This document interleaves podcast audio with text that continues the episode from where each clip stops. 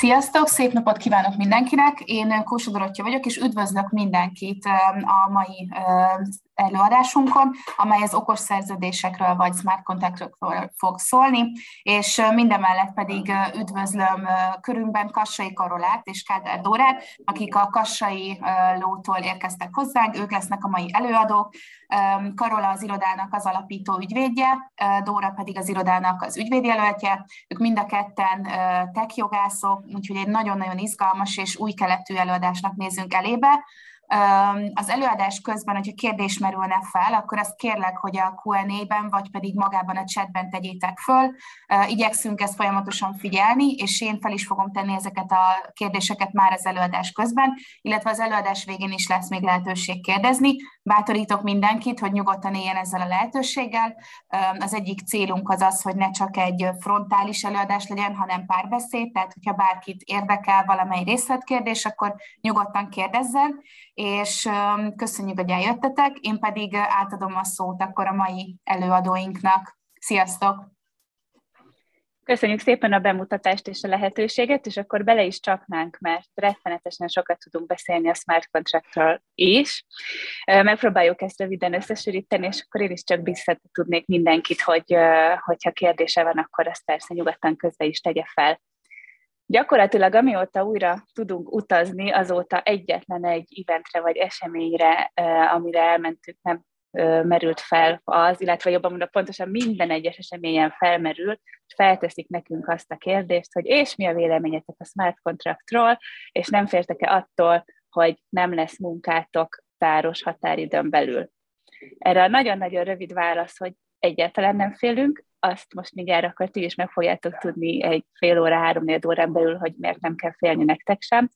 Viszont az egészen biztos, hogy a smart contractoknak határozottan van helye az ügyvédi szakmában, Ugye különböző előnyökről esik szó legtöbbször, ugye automatikus végrehajtás járul hozzá, vagy ugye a kriptográfia által biztosított különböző biztonság.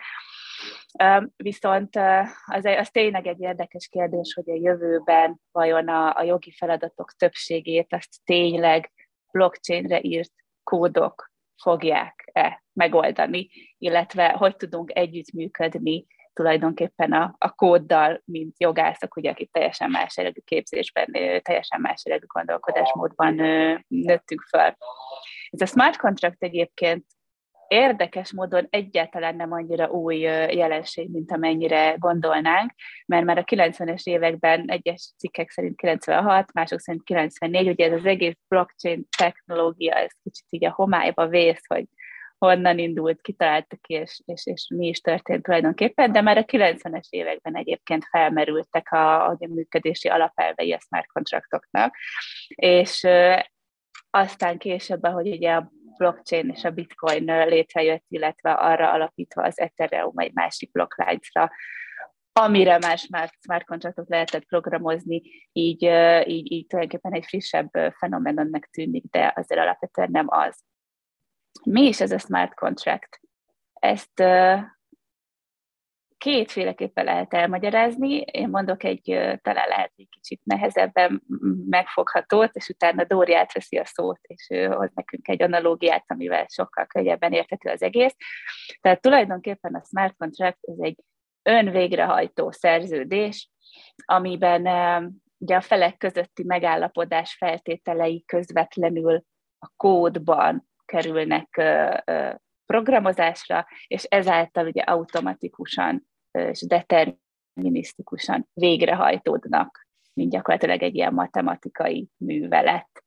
És ezt a legtöbben egyébként, a, vagy leggyakrabban az ital automata analógiájával szokták elmagyarázni, úgyhogy akkor Dóri, kérlek, világosíts fel minket pontosan. Köszi, köszi a felvezetést, Karola. Hát igen, ez a mondat nagyon szépen hangzik, de hogy ez végül is mit jelent, és valóban tényleg ez az italautomata a legegyszerűbb arra, hogy ezt kicsit megmagyarázzuk. Ez mit jelent? Ugye, ha elképzelitek az italautomatát bárhol bementek, akkor be van programozva, hogyha berakod a megfelelő pénzt, a megfelelő bemenetet, akkor bizonyos műveleteket lehetővé tesz. Ez mit jelent? Hogy tárolja azt a szabályt, hogyha beraksz neki x forintot, akkor azért kapnod kell egy doboz kólát. Ellenőrzi ezeket a szabályokat, tehát ha beteszel 300 forintot, akkor ellenőrzi, hogy ez tényleg akkor összeg, és ezután ön végrehajtja, tehát ki is adja neked a kólát. És ugyanígy működik alapvetően a, az okos szerződés is, hogyha mondjuk 300 forintba kerül a doboz kóla, és nekem csak 100 forintom van, akkor próbálkoztatok össze-vissza, de soha nem fogja kiadni nekem azt a, azt a doboz kólát. Ha viszont van 400 forintom, akkor bedobom a 400 forintot, lefuttatja, ellenőrzi, kiadja a kólát, meg kiadja a megfelelő pénzösszeget még az is meg van határozva, előre le van programozva, hogy a visszajárót milyen módon választja ki, milyen érmék állnak rendelkezésre, és hogy azok közül melyiket akarja először kiadni a gép. Tehát ez végig le van benne vezetve, és így működik alapvetően a smart contractnak is a, a, a programozása, tehát egy ilyen if-then szemantikát követ, tehát ha valami történik, akkor abban valami következni fog, ha feltétel bekövetkezik, akkor ez a feltételhez kötött rendelkezés alkalmazható válik, és végre fogja hajtani saját magát. Ugye ez az egész általában blokkláncon tárolódik, és ott is hajtják végre, és maga a smart contract így képes ugye különböző kriptovaluták így uh, idézőjelben pénzeszközök fogadására, tárolására, küldésére, képes behívni magába másokos szerződéseket, alapvetően elég, elég sok mindent uh, meg tud csinálni, és nagyon sokféleképpen megkülönböztethetünk különböző fajtákat az okos szerződések közül. Most itt nem megyünk bele mindenbe, ami nekünk itt szerintem fontos, az kétfajta ilyen meghatározás. Az egyik az, hogy vagy determinisztikus, vagy nem determinisztikus lehet maga a szerződés, ami azt jelenti, magyarul, magyarra lefordítva, hogy vagy ö, olyan szerződéssel beszélünk, amit csak a blokkláncon lévő információkra támaszkodik, ez lesz ugye a determinisztikus, vagy pedig támaszkodik valamilyen külső adatforrásra, amit orákulumnak hívunk. Erről majd egy kicsit többet is beszélünk később, de itt igazából az a lényeg, hogy valami olyan külvilágban megjelenő információ, mondjuk az Ethereumnak az akkori adott árfolyama, vagy ilyesmi, amit ugye magán a blokkláncon nem látunk, de a külvilágban létezik, és egy alapvetően objektív információ, és ugye ez lesz a nem determinisztikus. És a másik csoportosítási mód pedig az, hogy most milyen szinten van kódolva teljesen kódolt valamilyen hibrid szerződés, amihez kapcsolódik egy, egy természetes nyelven íródott szerződés, vagy pedig tényleg minden rá van írva magára a blokkláncon található kódba. Itt gyakorlatilag végtelenféle lehetőség létezik, tehát ez egy ilyen, ilyen skála, hogy akkor éppen milyen szinten kódolt maga, maga a szerződés. És akkor kicsit belemennék abba, hogy hogy milyen alkalmazási lehetőségei vannak egy ilyen okos szerződésnek. Olyanokról fogunk beszélni, egyrészt, ami megjelent már a világban, másrészt olyanról, ami így alapvetően elméletileg elképzelhető, valószínűleg már meg is történt valakik között, de hogy erről nincsen ilyen nagyon konkrét példánk ebből a szempontból. Biztosan mindannyian hallottatok már a CryptoKitties eh, nevű ilyen gyűjthető kis kriptok kis cicákról. Ennek az egész logikája magára a, a smart kontraktokra épül, hogy hogyan jönnek ezek létre, hogyan tudod egymás között cserélgetni, és a többi, és a többi. Akkor maguk az NFT-k is, eh, ebben, ez egy teljesen külön téma lehetne, hogy, hogy mi is a téma az NFT-kkel, hogy azok nem fungible tokenek, a különbség mondjuk a bitcoin és egy non-fungible token között, hogy egy bitcoint elcserélhetek egy bitcoinra, és akkor mindenki boldog lesz, és az gyakorlatilag ugyanaz, de két NFT az sosem lesz teljesen ugyanaz. És akkor, ami szerintem egy nagyon érdekes alkalmazás viszont, az az AXA biztosítónak, mert 2017-ben ezt Karola is említette az előző diák el alatt, hogy az AXA biztosító. Nem. Jaj, bocsánat. Meghagyom. Csak a dián, volt, a dián volt rajta, hogy 2017-ben az AXA biztosító kiadta egy, egy ilyen gyakorlatilag repülőjegy biztosítással, és ez teljesen smart contract alapon működik. Az a lényege, hogy ha te valahova repülni fogsz, akkor szerződhetsz velük ezen a, ezen a biztosítási platformon, úgy hívják, hogy Fizzi, és akkor azt mondod, hogy te rajta leszel a Budapestről Párizsba menőgépre holnap délben, és hogyha ez a repülő mondjuk két óránál többet késik, akkor te automatikusan meg fogod kapni a biztosítótól a kompenzációt erre, tehát ez az egész az ráépül a blokkláncra, és nincsen hosszú sorban állás, nincsen telefonálgatás, nem kell arra várnia senkinek, hogy majd aztán a biztosító kitalálja, hogy ez mégsem úgy van, és ő mégsem szeretné fedezni ezt, a, ezt az adott esetet, és a többi, és a többi. Tehát abban a pillanatban, hogy te megkötötted a szerződést, átkerült a, a biztosítás díja a biztosítóhoz, abban a pillanatban ez az egész okos szerződés, ez, ez magától rébe fog menni, és ha tényleg késik a repülő, akkor te tényleg meg is fogod kapni érte az előre megbeszélt összeget.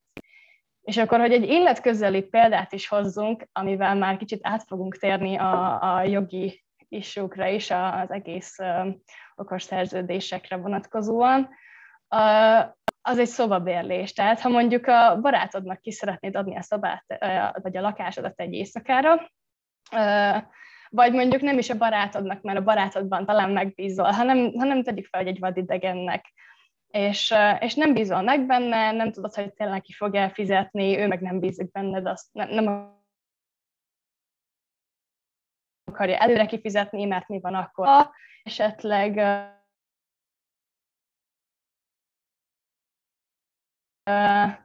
esetleg mégsem. Még, úgyhogy akkor ezt az egészet megcsinálhatjátok egy okos szerződés használatával, ami, ami úgy fog működni, hogy, hogy ugye megegyeztek, hogy mennyi lesz a bérleti díj, azt a bérlő elutalja a magába az okos szerződésbe, ami tárolni fogja az adott ideig, és hogyha az, a, tehát a, amíg nem kezdődik ugye maga a bérletnek az ideje, és hogyha a pénz megérkezett, te pedig átutalsz egy ilyen digitális kulcsot, amivel ő majd be, be tud menni a lakásba, ha mind a kettő megérkezett a blockchainre, akkor a pénz az megérkezik a tulajdonoshoz, tehát hozzád, a digitális kulcs pedig át fog kerülni a bérlőhöz, és be fog tudni menni a lakásba, és akkor senkinek sem kellett megbíznia egymásban, és minden teljesen automatikusan megtörtént.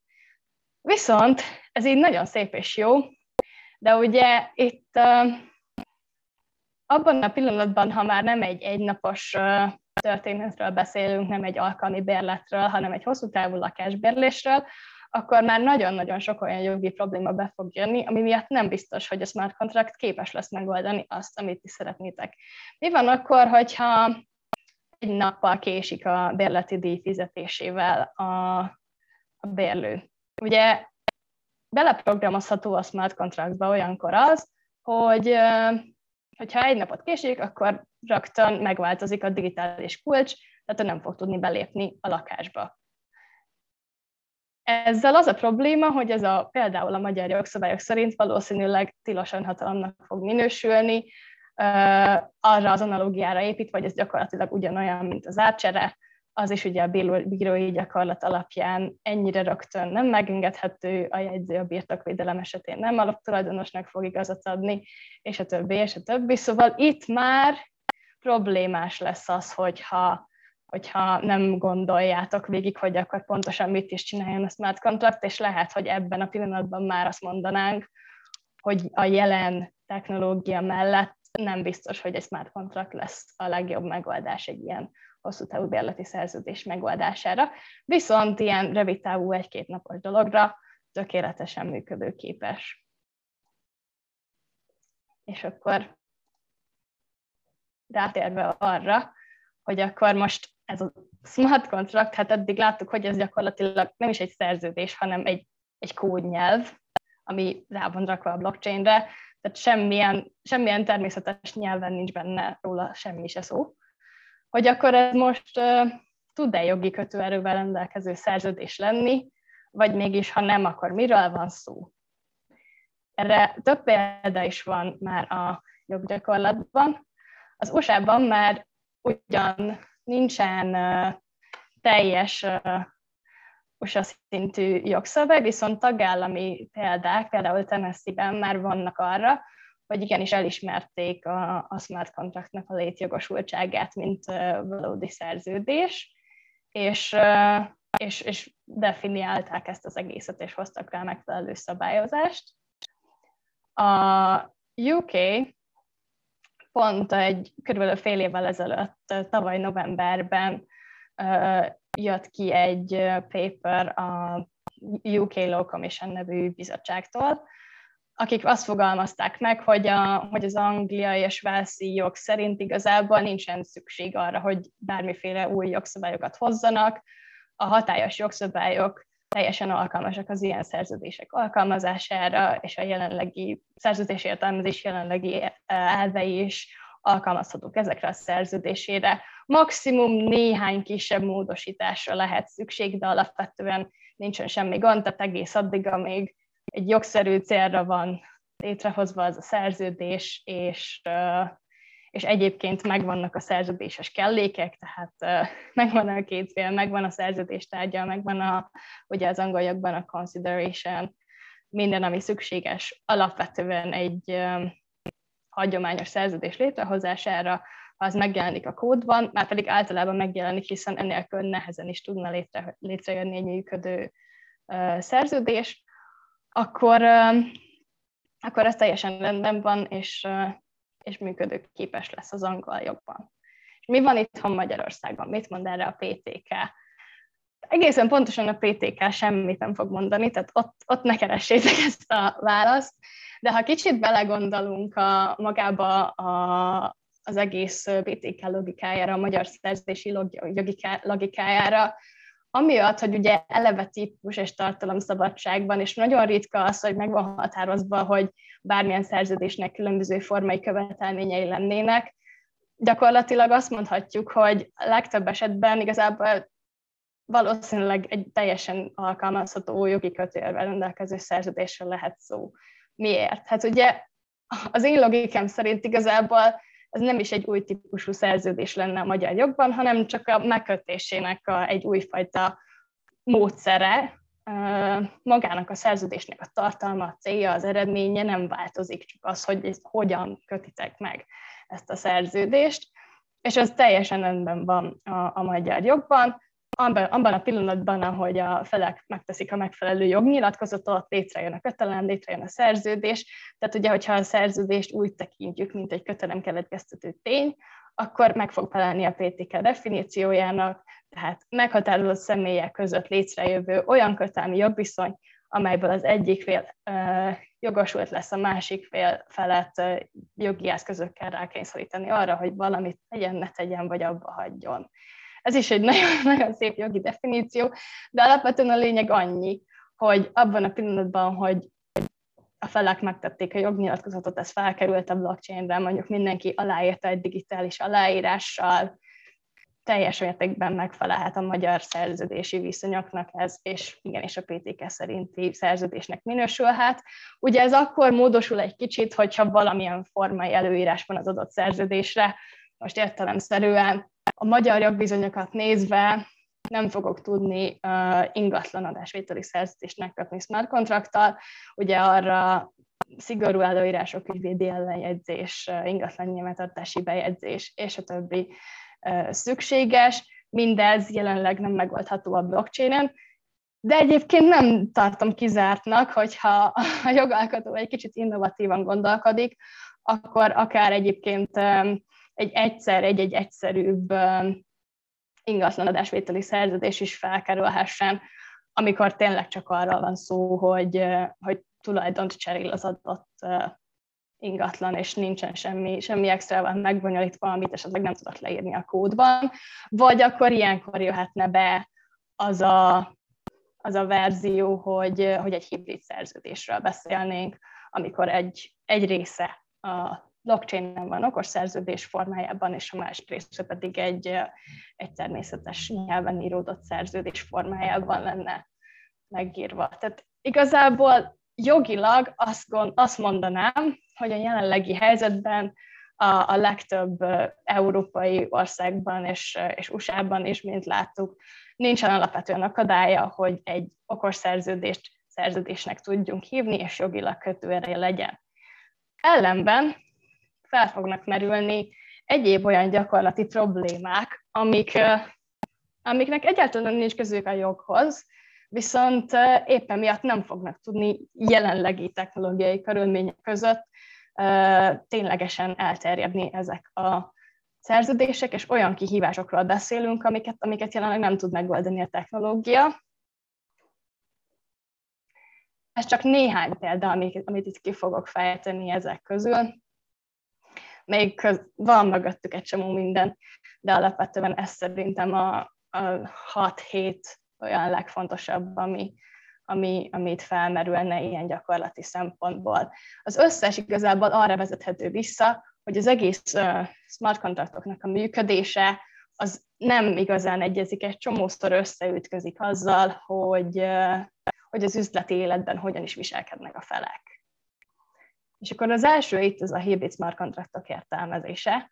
Ez még egyébként egy megoldható probléma tudna lenni. Itt arról van szó, hogy ahogy beszéltük, létezhet olyan eset, ahol van egy bonyolultabb része a szerződésnek, amit nem, nem tudunk beleírni a kódba, és akkor az egy természetes nyelven megíródott, akár papír alapú, akár digitálisan aláírt szerződésben jelenik meg. Ez a hagyományos oldala, és akkor van egy kód része, ami mondjuk az adott fizetésnek a, a, a automatikus végrehajtásáról szól, vagy, vagy bármi ilyesmi. És előfordulhat, hogy akkor a smart contract, a kódban lévő rész, az nem teljesen egyezik meg annak a, annak a szövege idézőjelben a természetes nyelven íródott szerződéssel, tehát valahol történik valami ütközés a kettő között. Ugye, ahogy azt már ismerjük a jogszabályokra vonatkozóan, szerződésekre vonatkozóan, vannak ilyen értelmezési szabályok, hogy akkor mi mit fog felülírni, itt most a kód és a természetes nyelv között igazából ezek nem lennének alkalmazhatóak, tehát önmagában nem tudnánk feloldani ezt az adott ellentétet.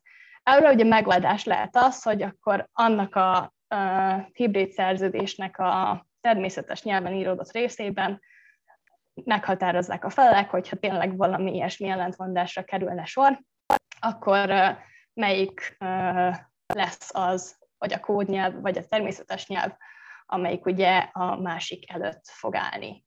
Ez hasonló egyébként arra, amit már biztosan most is, aki már valamennyit gyakorol gyakornokként, jogászként, ügyvédként, nem tudom, hogy vannak a, milyen arányban vagytok itt a közönségben, de, de biztosan találkoztatok már hasonlóval, amikor van mondjuk egy nagy keretszerződés, és akkor a keretszerződésen felül vannak ilyen egyedi megállapodások, amik mindig az a keretszerződés keretében végrehajtandó ilyen egyedi adott megrendelőkről szólnak, leginkább mondjuk szoftverfejlesztés esetén találkozhattok esetleg ilyen, legalábbis nálunk szerintem ez az egyik leggyakoribb hasonló eset, és akkor itt mindig meg szoktuk állapítani magában a szerződésben, hogyha az egyedi megrendelő mondjuk eltér a szerződés valamelyik pontjától, akkor melyik lesz az, amelyik érvényesül a kettő közül. Tehát ugyanez megoldható lesz a, a hibrid szerződések esetén is, csak muszáj megoldani, mert ha nem oldjuk meg, akkor problémákat fog okozni az értelmezés. A második az már egy érdekesebb kérdéskör, és erre szerintem jelenleg nincsen ilyen bulletproof megoldás. Ez a tárgyalás, illetve a smart kontraktok kidolgozása és megkötése probléma. Itt ez alatt azt értjük, hogy tegyük fel a két fél, aki egy smart kontraktot aláír, egy picit sem értenek a kódhoz, tehát fogalmuk sincsen, hogy mi van abban a smart kontraktban. Ők csak azt tudják, hogy mit szeretnének vele elérni, de nem ők írták, és nem tudják, hogy mi van benne. Ez ugye mondhatnánk azt, hogy hát jó, hát a laikus az most sem érti a jogot, tehát mindenképpen ügyvédhez fog fordulni, és a többi. De azért gondoljunk bele, hogy még aki, aki nem is tudja igazán a nagyon durva jogi szövegeket elolvasni, az is valamennyit meg fog érteni abból a jogi nyelven íródott szerződésből. Lehet, hogy nem mindent, de lesz valami fogalma arról. Ugye ma már azt sem mondhatjuk, hogy hát van a szerződés, és hogy az is csak ugyanaz a szituáció, mert az sem ugyanaz a szituáció, hiszen én berakhatom azt a szerződést egy fordítóba, és ha nem is lesz tökéletes, azért valamennyire érteni fogom, hogy mi van benne. De ha semmit nem értek a kódoláshoz, akkor semmit nem fogok tudni abból, hogy akkor ebben mégis mi van benne ebben a szerződésben. Tehát mindenképpen nagyon-nagyon erősen kell támaszkodjak arra az adott személyre, aki leprogramozta ezt a smart kontraktot. Ugye ez több szempontból is tud probléma lenni. Mi van akkor, hogyha én utána azt mondom, hogy hát ez a szerződés nem is érvényes, létre se jött, azt se tudtam, mi van benne. És akkor utána mit fog csinálni a másik fél? Tehát uh, mindenképpen ez, ez, ez, ez az oldal ez problémát tud okozni. Uh, problémát tud okozni akkor az is, hogyha uh, ja, bocsánat. Uh, igen, tehát hogy itt ugye problémát tud okozni az is, hogyha valami hiba van esetleg a, magában a, a smart contractnak a kódjában, és ezzel kicsit áttérünk már a harmadik pontra, ez a kockázat és felelősség köre, hogy hogy simán előfordulhat, hogy akár valami emberi hiba miatt, bármi miatt valami, valami hiba kerül ebbe a, a szerződésbe. Ez ugye nyilvánvalóan a feleknek a kockázata lesz, de hogy milyen mértékben vállalnak ilyen kockázatot, az azért, az azért nem mindegy, főleg egy olyan esetben, ahol nem is ők írták magát a szerződést, és teljes mértékben megbíztak ebben a smart contract programozóban, aki ezt összerakta nekik. És előfordult ilyen, ugye nem tudom mennyire ismeritek ezt a DAO nevű projektet, aminek a, ez még évekkel ezelőtt történt, ez egy ilyen decentralized autonomous organization volt, és benne lett hagyva egy nem szándékos kódolási hiba magának a, az egész szerződésnek a kódjába, és ezt kihasználta valaki, és gyakorlatilag hatalmas összegeket így ki tudott csapolni az adott szerződésből. Ilyen simán előfordulhat akár kisebb, akár nagyobb összegekkel kapcsolatban, és akkor itt felmerül az a kérdés, hogy akkor most egy ilyen szituációban, ahol tényleg nem, nem simán hekkelés történt, hanem csak kihasználták, úgymond idézőjelben, csak kihasználták ezt a, ezt a kódolási hibát, és úgy történt lopás, vagy egész egyszerűen csak nem azt hajtotta végre a smart contract, amit kellett volna, és akkor ebből valakinek kára keletkezett, hogy akkor ezért most ki lesz felelős, hogy akkor felelősségre vonhatom-e a programozót, aki, aki leírta a smart contractot. Szerintem lehet olyan eset, ahol felelősségre lehet vonni, lehet olyan eset, ahol nem. Ez nyilván esetről esetre döntendő el. De tegyük fel, hogy felelősségre vonjuk, és mondjuk nagy összegről van szó. Egyáltalán nem biztos, hogy ez a programozó ki fogja tudni fizetni. Ugye a mai világban, mint a jogász, mint ügyvéd, mint szabályozott szakma, nekünk kell, hogy legyen felelősségbiztosításunk, és akkor az legalább valamiféle fedezetet biztosít arra, hogyha valamit mégis elront egy ügyvéd, akkor, akkor a biztosítás fedezni fogja. Most egy programozónak általában nincsen ilyen, vagy legalábbis kötelezően biztosan nincsen. Úgyhogy előfordulhat, hogy ezt az egészet, miután egyáltalán rendezték a felelősség kérdéskörét, és hogy akkor milyen mértékben és hogyan lesz felelős és kicsoda, miután ezt rendezték, előfordulhat, hogy ennek erre az lesz a megoldása a jogalkotónak, hogy ugyanígy az ügyvéd analógiát használva az olyan programozók, akik smart kontraktokat fognak írni, azok valamilyen szinten egy szabályozott szakmává fognak válni, és, és ugyanígy felelősségbiztosítást kell kötniük. Az is lehet, hogy teljesen más irányba mennek el, az is lehet, hogy semmit nem fognak ezen a téren szabályozni, és akkor viszont marad a felek kockázata, de akkor valószínűsíthető, hogy, hogy nagy volumenű szerződéseket még jó darabig nem fognak megkötni ilyen smart contract formában, viszont nem fogják vállalni azt a kockázatot. Nincsen garancia kifizetésre, az van itt a negyedik példában. Itt az alatt azt értjük, hogy az egyik ok, amiért egyáltalán az emberek bele mennek egy ilyen smart contractba, hogy milyen egyszerű, nem kell adnom fizetési felszólításokat küldözgetnem, nem kell FM-háznom, nem kell végrehajtanom, nem kell bíróságra menne. Automatikusan végre fogja hajtani, és meg fogom kapni a pénzemet. Na de azért ez nem ennyire egyszerű. Mi van akkor, hogyha egy hosszabb távú szerződésről beszélünk például, ahol többször történne fizetési kötelezettség, és az egyik fél nem tartja folyamatosan az adott uh, smart contractbe beprogramozott uh, kripto tárcáján a megfelelő fedezetet. És egy adott pillanatban, amikor le kéne vonni, akkor elfelejti feltölteni ezt az adott tárcát. Vagy direkt nem tölti fel, mert az is előfordulhat. Akkor ugye nem fogom megkapni a pénzemet, és utána futhatok utána, a legrosszabb esetben, ugye bár itt a blockchainnek a jellegéből adódóan, lehet, hogy még azt sem tudom, hogy ki van a túloldalon. Tehát, hogy lehet, hogy azt sem tudom, hogy ki után fogok futkorászni. Igazából nincsen erre teljes garancia. Persze beleépíthetünk a, magába a szerződésbe olyan rendelkezéseket, hogyha A pénzt, A kriptotárcában nincsen elég fedezet, akkor majd levonja B, B-ből, vagy C-ből, vagy D-ből, de hát előbb-utóbb azért eljutunk egy, egy, egy véges tárca számig, tehát hogy nem lehet ez a teljes végtelenségig menjen, hogyha mindegyik fedezet nélküli, akkor ugyanúgy nem fogom megkapni. És akkor esetleg mehetek bíróságra, de akkor meg megint az a kérdés, hogy vajon a bíróság mit fog kezdeni az én smart contract alapú szerződésemmel, vajon ők el fogják-e fogadni, azért van némi jogi bizonytalanság itt ezzel kapcsolatban, főleg akkor, hogyha mondjuk a felek teljesen más joghatóság alatt léteznek, akkor azt sem tudom, hogy melyik bírósághoz fogok éppen menni.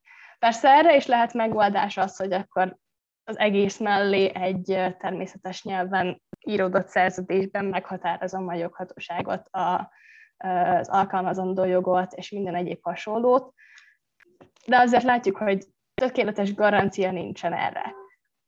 Alapvetően ezt most egy problémaként írtuk fel, mert az alkalmazását és az elterjedését magának a smart contractnak ez tényleg gátolja, de ha belegondolunk, azért az összes közül ez mondjuk egy pozitívumnak is mehet, a másik oldalról nézve, hiszen abban az esetben, hogyha minden jól megy, azért mégiscsak nagyobb biztonságot ad egy ilyen smart contract, mint, mint egy teljes, egy sima szerződés, ahol lehet, hogy tényleg nem fogják átutalni nekem a pénzt. Úgyhogy azért valamennyi, valamennyi plusz ez azért ad, úgyhogy ezért a teljesen negatívnak nem vehetjük magát az ilyen automatikus végrehajtási oldalát ennek. És akkor ötös pont, objektivitás és nyelvi korlátok. Biztosan, hogy már szerződést írtatok, találkoztatok olyannal, hogy egész egyszerűen ne, nem tudtok mindenre gondolni, és akkor, amikor az ügyfél, ügyféllel beszélgettek, hogy akkor mi az, ami belekerüljön a szerződésbe, mi az, aminél már azért nem bonyolítsátok tol, mert ő el is szeretne kezdeni dolgozni, szóval nem szeretne két éven keresztül azon gondolkodni, hogy akkor mit írjunk bele a szerződésbe, hanem szeretné tényleg meg is csinálni, és minél jobban le akarja rövidíteni magát a szerződéskötési folyamatot. Tehát lesznek benne olyan pontok, lesznek olyan le- lehetőségek, lesznek olyan való világbeli esetőségek, amik nem fognak belekerülni a szerződésbe, hanem úgy döntenek, hogy adott esetben, ha ez nem várt esemény mégis bekövetkezik, akkor majd akkor abban a pillanatban kezelik, nem kell minden egyes pontot leszabályozni egy szerződésben. Most ez az, amit uh, nem fog tudni megcsinálni egy smart contractban, ugyanígy nem fogsz tudni esetleg homályosan hagyni egy-egy pontot, ugye van olyan, hogy direkt nem, nem konkretizálunk valamit, ahhoz, hogy utána rugalmas lehessen, és majd akkor utána az adott uh, uh, esemény megtörténtekor majd eldöntsük, hogy akkor ki hogyan is értelmezi ezt az adott dolgot.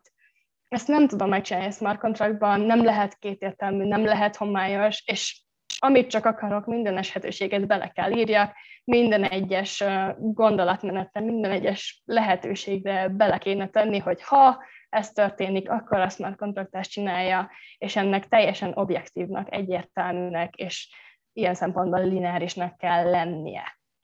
Tehát egy komplex szerződést jelen technikai körülmények között senki nem fog felrakni a blockchainre, mert nem is fog tudni, és nem is fogja vállalni hiszen ettől az egésznek a, ha tényleg mindegy végig akarok gondolni, annak egy olyan idő és, és tranzakciós költségkövetelménye lesz, amit, amit senki nem fog észszerűen bevállalni, hogy ezeket tényleg ilyen szinten végig gondolva, végigmenve uh, minden egyes pontot beleírjanak ebbe a szerződésbe. És akkor még nem beszéltünk arról, hogy minél komplexebb a szerződés, annál nagyobb lesz az úgynevezett gas fee is. Ugye a legtöbb smart contract még mindig Ethereum alapon működik, hatalmas tranzakciós költségei lehetnek, hogyha egy nagyon-nagyon-nagyon sok energiát igénylő smart contractot szeretnék oda felpakolni. Vannak olcsóbb blockchainek, most ebben nem mennék bele, de alapvetően tényleg az egésznek a kitárgyalása, az összeírása nem, nem fogja megérni a, a felek számára. Ugyanígy nem teszi lehetővé az sem egy, egy smart contract, itt a nyelvi korlátokra gondolva, hogy olyan jogi fogalmakat beleírjak, mint a jó hiszeműség, vagy hogy megtesz minden tőle, tőle telhetőt, vagy és a többi, és a többi, ezeket a fordulatokat mindannyian látottak más szerződésekben. Ezek olyan dolgok, amik utána a jogértelmezés kérdései, hosszú tanulmányok vannak róla, hogy akkor ez végül is mit is jelent, joggyakorlatok, itthon Magyarországon ugye kúriai vélemények, tehát hogy ezt nem fogja tudni senki sem jelen pillanatban beleprogramozni egy, egy okos szerződésbe, úgyhogy ez mindenképpen korlát marad. Itt egyébként ugyanúgy megoldás lehet egy ilyen hibrid szerződés, ahol mindezeket, amik, amik itt a nyelvi, kicsit nyelvi szubjektivitást, rugalmasságot és komplexitást igénylik, ezek bekerülnek egy papíralapú vagy egyéb digitális alapú természetes nyelven íródott szerződésbe, és akkor bizonyos részei kerülnek fel a, a blockchainre.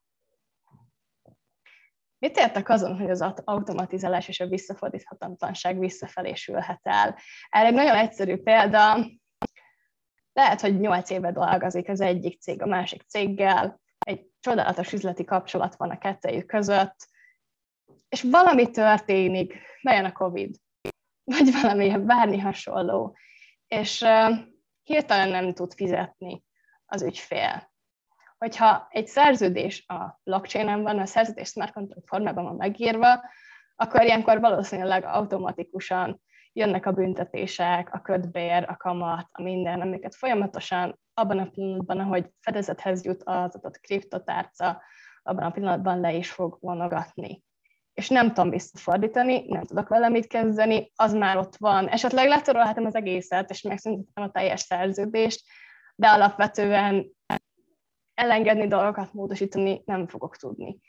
Az üzleti életben ez azért nem egészen így szokott működni, tehát azért látunk már arra példát, hogy azért sokkal fontosabb egy, egy ilyen üzleti kapcsolat, és és akkor részletfizetést fognak engedni, vagy elengednek valamilyen tartozást, csak hogy meg tudjon maradni az az ügyfél, és hosszú távon ez mind a két félnek sokkal jobb lesz.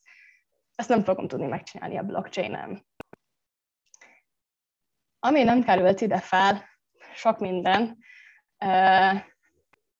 még egy, egy példát emelnék ki, és ez pedig a blockchain nyíltsága miatt ugye titoktartásnak a hiánya gyakorlatilag. Persze vannak olyan blockchainek, vannak olyan uh, okos szerződést uh, lehetővé tevő blockchainek is, amik sokkal privátabbak, mint mondjuk a, az Ethereum blockchain, de alapvetően még nem ezek a jellemzőek. Most nem biztos, hogy én szeretném, hogy egy uh, jogi tranzakciómnak a bármilyen uh, része ilyen szinten lekövethető legyen. Tehát abban a pillanatban, hogyha valaki kitalálja, hogy mondjuk az adott uh, nyilvános költözött tárca hozzám tartozik, akkor onnan végig tudja követni, hogy akkor ott uh, milyen szerződésnek mennek végbe, hogyan történnek ezek a dolgok, és, és megszűnik ez, a, ez az üzleti titok gyakorlatilag, ami, ami szintén nem, nem feltétlenül uh, egyezik meg magának az üzleti életnek a jelenlegi valóságával. Meg hozhatnánk egy csomó példát, de hogy nem akarok túl sok időt elvenni. Úgyhogy egy pillanatra visszaadnám Karolának a szót, hogy most, hogy ezen a sok mindenen átmentünk, megváltozik-e az eredeti gondolatod, és, és szerinted átveszik-e a helyünket a smart kontraktok? Én továbbra is tartom azt, amit minden egyes eseményen az elmúlt nem tudom én hány évben elmondunk, és szerintem most már akkor mindenki, aki meghallgatta a Dóri előadását, azt valószínűsíthetően hasonló irányba gondolkozik, hogy nem, biztosan nem fogják.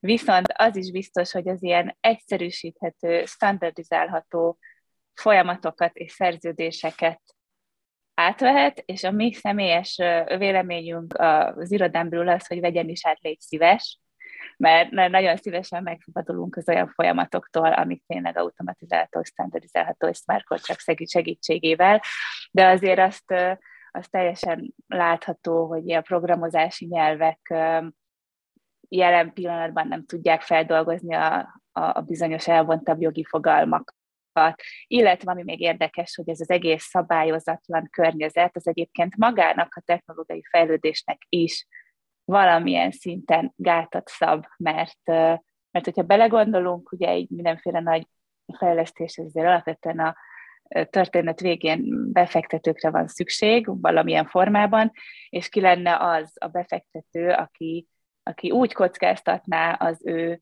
pénzét, hogy, hogy igazából gyakorlatilag, hogyha a jogalkotó akár nemzetközi, e, európai, EU nemzeti jogi szinten gondol egyet, és hirtelen egy tolvonással szabályozási környezetet teremt, amivel mondjuk egy adott projekt kikerül a kukába, ez azért, ez azért beláthatatlan befektetői szemmel beláthatatlan következményeket is hozhat.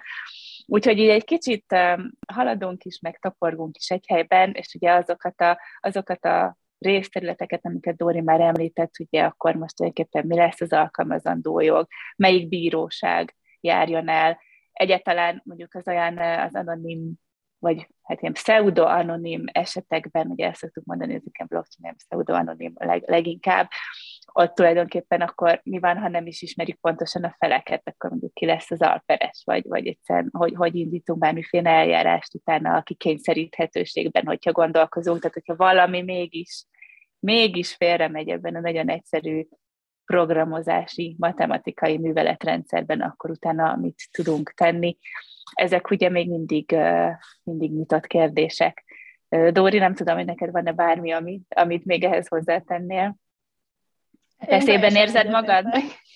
Én nem, én teljesen egyetértek, és én azzal a mondattal is egyetértek, hogy, hogy nagyon jó lenne, ha, ha az automatizálható feladatok minél jobban automatizálva lennének, mert akkor pont megmaradnának nekünk az igazán izgalmas részei a dolgoknak, ami, ami szerintem valóban a, a modern jogászi és ügyvédi létnek a, a kulcsa lesz.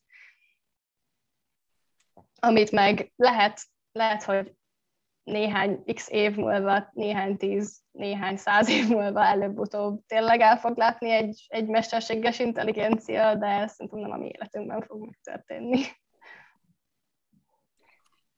Kérdések merült-e fel a közönség részéről, akkor itt megnyitnánk ennek a lehetőségét, illetve én is készültem kérdésekkel.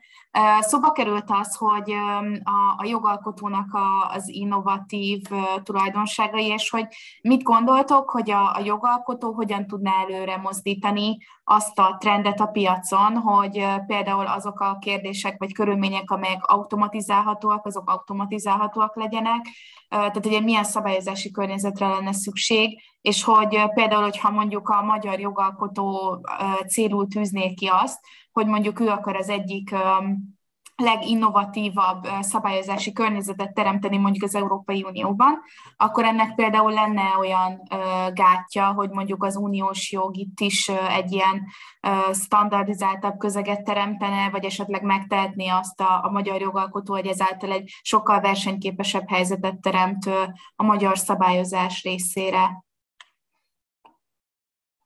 Dori. Én szívesen kezdem ezt, igen.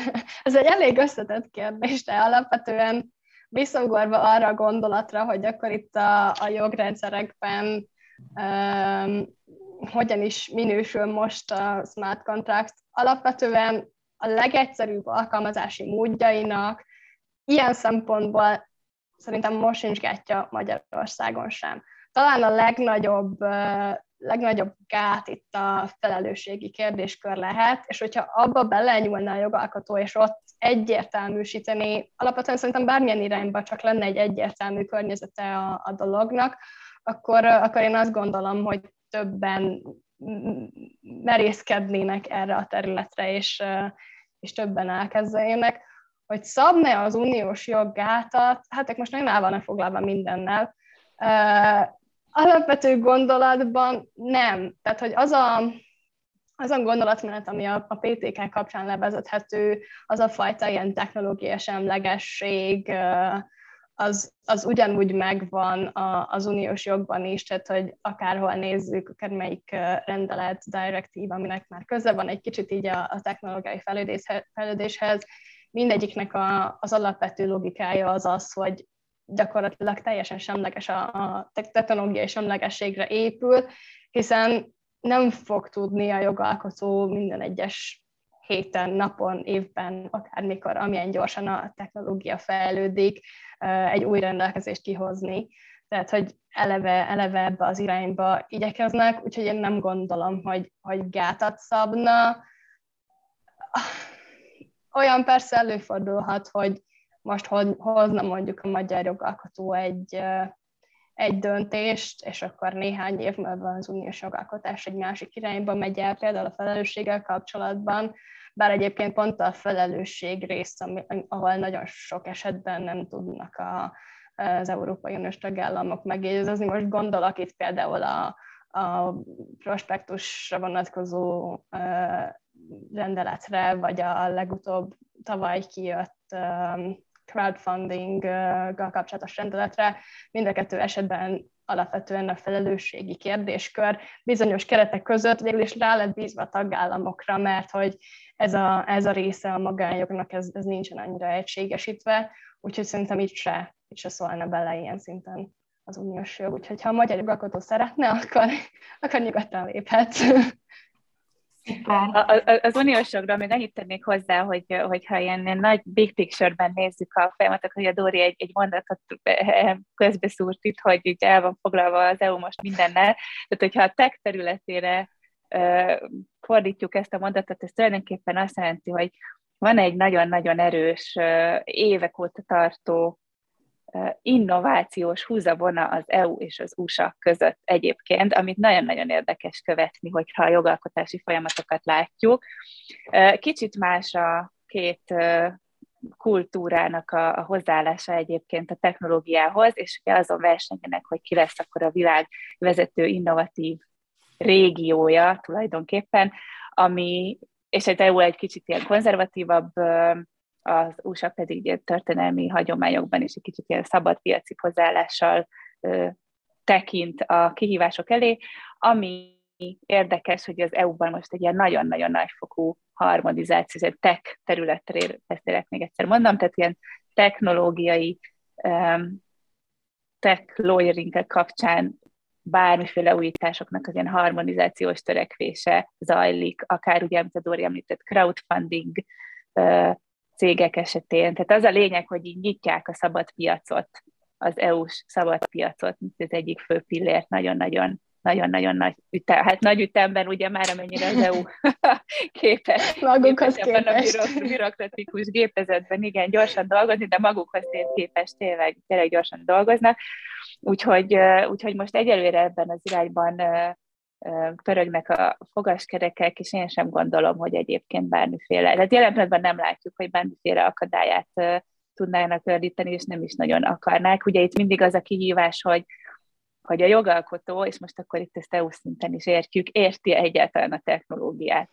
Mm. És már sajnos itt, itt szokott elakadni a kommunikáció, hogy, hogy, hogy így próbálnak ráhúzni már létező most szélsőséges esetben a magyar jogalkotóra beszélünk, akár római jogi gyökerekkel rendelkező hm. jogintézményeket, az olyan technológiai 21. századi újításokra, ami egyszerűen nem, nem, nem fog menni. Tehát akár, hogy csürjük, csavarjuk, jogalkotói innovációra is sokkal nagyobb mértékben van szükség, mint mondjuk az elmúlt 2000 évben bármikor volt, és akkor itt ez így itt ez így összeütközhet, ez ugye látszik egy kicsit az EU-ban is, hogy ez egy, az egy nagyon-nagyon fontos pont lesz, hogy a jogalkotónak meg kellene érteni bármilyen szintről is beszélünk magát a technológiai átteret. Ez is egy kicsit így hát ráltatja a dolgokat. De a lehetőség nyitott Magyarország előtt, hogy becsapjon a leginnovatívabb jogi környezet megteremtésébe. Szuper. Még érkezett egy kérdésünk, ez egyik közönség taktól. Mennyiben érinti, vagy fogja érinteni a technológiai fejlődés az ügyvédi munkadíjat? Hogyan tudják kommunikálni azt az ügyfelek felé, hogy az ügyvéd még mindig szükséges összetevő a folyamatban? Ez ugye alapvetően már most is nehéz kommunikálni, mert mindenki úgy gondolja, hogy az ügyvéd egyáltalán nem szükséges semmiféle üzleti folyamatban. De Dori, kezd nyugodtan. Hát erre így nagyon, nagyon nehéz válaszolni. Igazából ez a, a, a második része a kérdésnek, ez tényleg egy, egy folyamatos kihívás. Én személy szerint azt szok, láttam, hogy ezeket a dolgokat, amiket, amikről most itt is beszéltünk, és ugyanezeket más témákban is, tehát a sablonszerződések használata, stb. stb. Ezekhez mind nyitottan állunk hozzá mi is, de azért így megpróbáljuk megértetni a potenciális ügyféllel, hogy vannak olyan pontok, amikor, amikor sajnos olyan problémába fog ütközni, amikor az nem lesz elég, amikor, amikor tényleg szüksége lesz ránk, és akkor így, szerintem a nyílt kommunikáció ezzel kapcsolatban az egy tök fontos dolog. Amit Illetve az életszerű példák az... szerintem az még igen, nagyon, igen, fontos. Tehát, hogy így, igen. így nagyon ilyen gyakorlatiasan, tehát hogy, hogy nem, nem, nem jogászkodóan beszélgetünk velük sem, hanem, hanem tényleg ilyen gyakorlati példákkal és, és tökre hétköznapi nyelven, és akkor úgy, úgy szerintem azért még az esetek többségében belátják. Aztán már más kérdés a budgetnek a problémája, hogy ki fogják-e, vagy ki tudják-e fizetni azt, amit elkérne az ember. Én nem egyébként hiszem, ez... egyébként... Ja, bocsánat. Ez, le, ez csak az én véleményem, mert itt jelöltként még, még kevésbé látom, de hogy magának a, az ügyvédi munkadíjnak a, az összegére, vagy ilyesmi erre kihatással így külön nem lesz, hiszen egyis én nem gondolnám, hogy alapvető kihatása lenne rá, hiszen nem a, a munkánk szűnik meg, csak mondjuk átalakul, vagy ilyesmi, de hogy attól még ugyanúgy dolgozni fogunk rajta, tehát hogy másra fogjuk elkérni az adott összeget igazából. Ez egy kicsit olyasmi, mint ugye, amikor megérkeztek a, az elektronikus cégeljárás, meg a, a elektronikus jogtár, meg ugye a mindenféle túl, ami mondjuk 15 évvel ezelőtt nem állt rendelkezésre, ugye ott bújtuk a könyveket az irodai könyvtárban. Tehát ugye önmagában ott lehet egy kis eltérés, hogy akkor kicsit talán szegmentálódik, hogy mely irodák engedhetik mondjuk meg maguknak azt, hogy leprogramoztassanak maguknak bizonyos smart contract rendszereket, vagy templéteket, vagy akár foglalkoztassanak egy, egy, egy, egy in-house programozót. Nagyjából, ugye ebbe az irányba is elmehet ez a szakma, hogy ez olyan lesz mondjuk egy office manager, vagy, a, vagy egy recepciós, vagy egy ügyvédjelölt, hogy így, aki csak teheti, akkor, akkor lesz egy, egy, kettő, három, akármennyi programozója, annak nyilván vannak költségvonzatai, amit, amit bele kell akkor kalkulálni valóban hosszú távon, vagy közép-hosszú távon a, a költségstruktúrákba, de, de ugye ennek egy másik oldala az, hogy ahogy ez terjed el, előbb-utóbb elképzelhető, hogy majd elvárás lesz, akkor én már nem fogok tudni azért kérni több pénzt, mert én e-mailezek, és nem postán küldözgetem a, a, a papírjaimat, meg a meeting memóimat, hanem ez már mindenkinek egy alapdolog lesz, ezt szokták mondani a blockchainre is, hogy, hogy pár évvel ezelőtt is, meg talán még egy, most már egyre kevésbé egyébként, de azért még mindig felmerül egy-kettő alkalommal, hogy hogy is működik ez a, block, mi ez a blockchain. És hogy ez gyakorlatilag pár év múlva már a kutyát nem fog érdekelni, mint ahogy az se érdekel senkit, hogy hogy működik az internet. Tehát, hogy ez így van, ez így adott és, és ez a lényeg, hogy megnyom a gombot, és ott van az e-mail egy másodpercen belül, jó esetben, és hogy valószínűleg a, tehát elképzelhető, hogy ebből az irányba fog menni a, a smart contract alkalmazása is. Nem tudjuk, mennyibe volt ez válasz a kérdésre, de reméljük valamennyire, igen. Szuper! Én szeretném megköszönni akkor a lehetőséget és az előadóknak ezt, a, ezt az igazán izgalmas előadást és beszélgetést. Szóval akkor még egyszer köszönjük Kassai Karolának és Kádár Dórának a Kassai Lótól, hogy itt voltak nálunk. Köszönjük a kérdéseket, és a, a közönséget pedig bátorítjuk arra, hogy a Legal Festnek a további offline és online programjait is kövessék. Ma délután a következő előadás három órától lesz jogászi karrierutakról, bírói, közjegyzői és KVH pályákkal kapcsolatosan, és bátorítunk mindenkit arra, hogy az előadókat is, hogy látogassanak el az offline helyszínünkre, és egy kötetlen beszélgetés keretében ismerkedjenek, illetve hallgassanak bele az előadásokba. Még egyszer köszönjük a jelenlétet, és reméljük, hogy minél többetekkel találkozunk a központi helyszínünkön. És további szép napot kívánok, sziasztok! Köszönjük mi is, sziasztok! Köszönjük szépen, sziasztok!